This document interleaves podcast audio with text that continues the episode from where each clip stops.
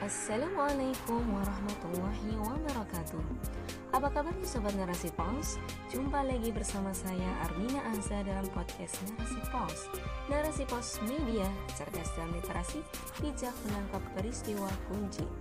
Kali ini dengan rubrik motivasi yang berjudul Menulis dan membaca bagai dua sisi mata uang oleh Serly Agustina MAG Pasti ada maksud mengapa wahyu Allah taala yang pertama turun adalah surah Al-Alaq. Umat Islam hafal betul bagaimana bunyi ayat pertama surah tersebut.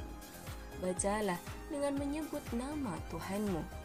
Sebagai umat Islam, hendaknya tak lepas dari aktivitas membaca, baik itu membaca Al-Quran, buku, alam sekitar, orang di sekeliling, dan sebagainya. Membaca bagian dari aktivitas mengisi nutrisi otak agar bisa berpikir dan menjadi informasi sebelumnya yang disimpan di dalam otak. Membaca adalah bagian dari aktivitas para ulama di masa dahulu.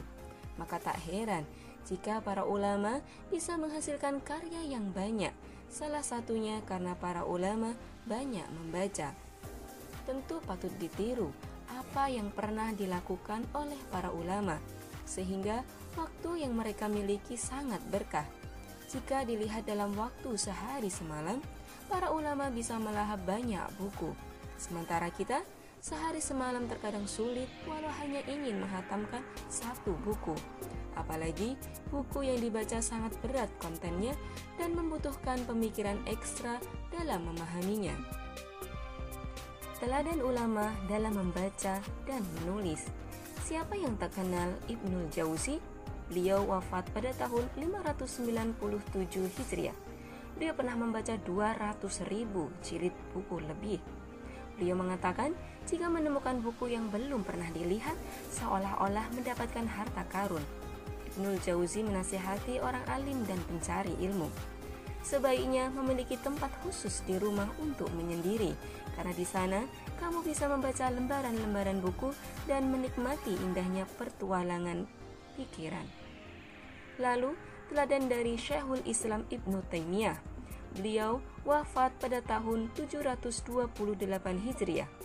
Murid Ibnu Taimiyah, Al-Hafiz Ibnu Abdil Hadi, wafat pada tahun 744 Hijriah di dalam Muhtasar Tabaqat, ulama al-hadis menuturkan apa yang pernah dilakukan gurunya. Beliau, Ibnu Taimiyah, banyak membaca buku, mendengarkan kajian ilmu selama bertahun-tahun, dan pernah menghatamkan Al-Ghailaniyat sekali baca. Tahukah bahwa kitab Al-Ghailaniyat itu terdiri dari 11 juz? Bagi Syekhul Islam Ibnu Taimiyah, buku atau kitab setebal itu hanya sekali baca. Sungguh menakjubkan aktivitas para ulama, tak kenallah dalam menimba ilmu apa pun kondisinya. Tak heran jika banyak karya yang dihasilkan dari mereka karena aktivitas membaca yang dilakukan tiada henti. Ratusan bahkan ribuan karya para ulama masih ada sampai saat ini dan sangat bermanfaat. Para ulama selain membuat karya sendiri juga menulis karya orang lain dengan tangannya sendiri. Misalnya, Al-Hafiz Al-Mizi menyalin dua buku tebal. Abu Bakar Al-Ismail dan Abu Ahmad bin Adi berkata, Ismail bin Zaid, sang pemburu hadis pernah menulis semalam suntuk 70 lembar catatan yang rinci. Waktu yang dilakukan hanya untuk mendekatkan diri pada Allah lewat aktivitas membaca dan menulis.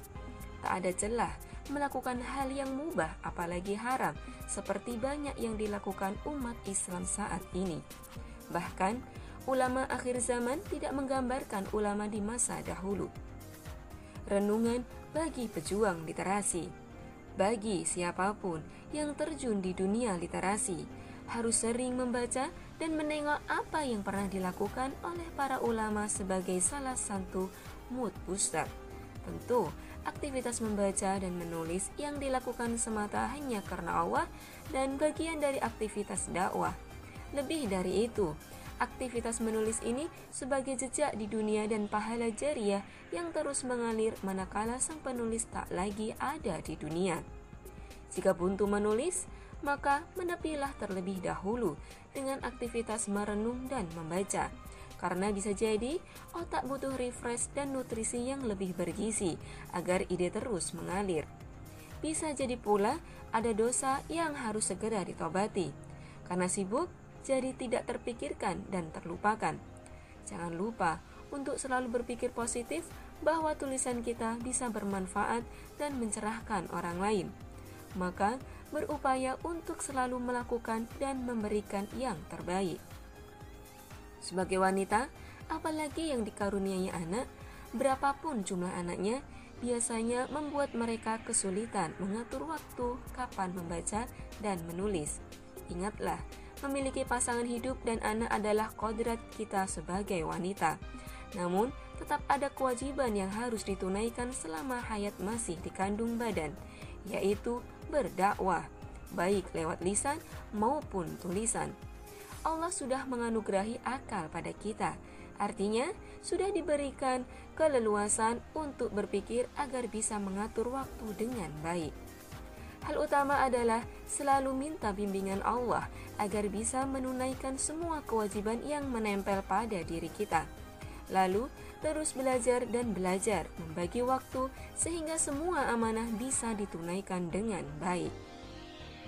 Menjalankan semua amanah dan kewajiban dengan baik bukan berarti tidak memperhatikan kesehatan tubuh serta tumbuh kembang anak dan membuat kasih sayang kita kepada mereka berkurang.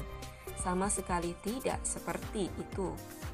Bisa jadi dari interaksi kita dengan suami, anak, dan siapa pun menjadi inspirasi menulis yang bisa disebar sebagai kebaikan dan amal solih, bahkan bisa menginspirasi orang lain.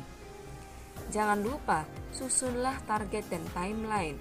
Target dibuat bukan untuk membuat kita stres, tapi motivasi untuk sampai pada garis finish. Buatlah target sesuai kemampuan, sehingga menjadi kebiasaan positif dan akhirnya aktivitas membaca dan menulis menjadi bagian dari hidup. Sehingga jika tidak membaca dan menulis seperti ada sesuatu yang hilang dan hampa, bersegeralah karena umat butuh karya kita sebagai sarana hidayah menuju hijrah. Pencerahan terhadap suatu ide yang dinanti serta motivasi berharga yang mampu memuaskan dahaga keilmuan. Menulis tak harus menunggu sempurna, karena semua learning by doing. Ya, semua berproses untuk lebih baik dimulai dari karya sederhana, lalu istimewa dan mendunia dikenal manusia sepanjang masa. Tapi tetap ingat, tujuan menulis adalah demi meraih ridho Allah. Adapun kita menjadi terkenal itu bonus saja, bukan tujuan utama agar hati kita tetap terjaga karena Allah. Begitulah, membaca dan menulis bagai dua sisi mata uang yang tak dapat dipisahkan. Semoga tulisan ini bermanfaat, khususnya bagi saya pribadi sebagai penulis pemula di dunia literasi. Terus belajar meningkatkan kualitas diri agar karya yang dihasilkan bisa lebih baik dari waktu ke waktu. Setiap tulisan ada jodoh pembacanya. Jadi, teruslah berkarya karena Allah. Wallahu alam.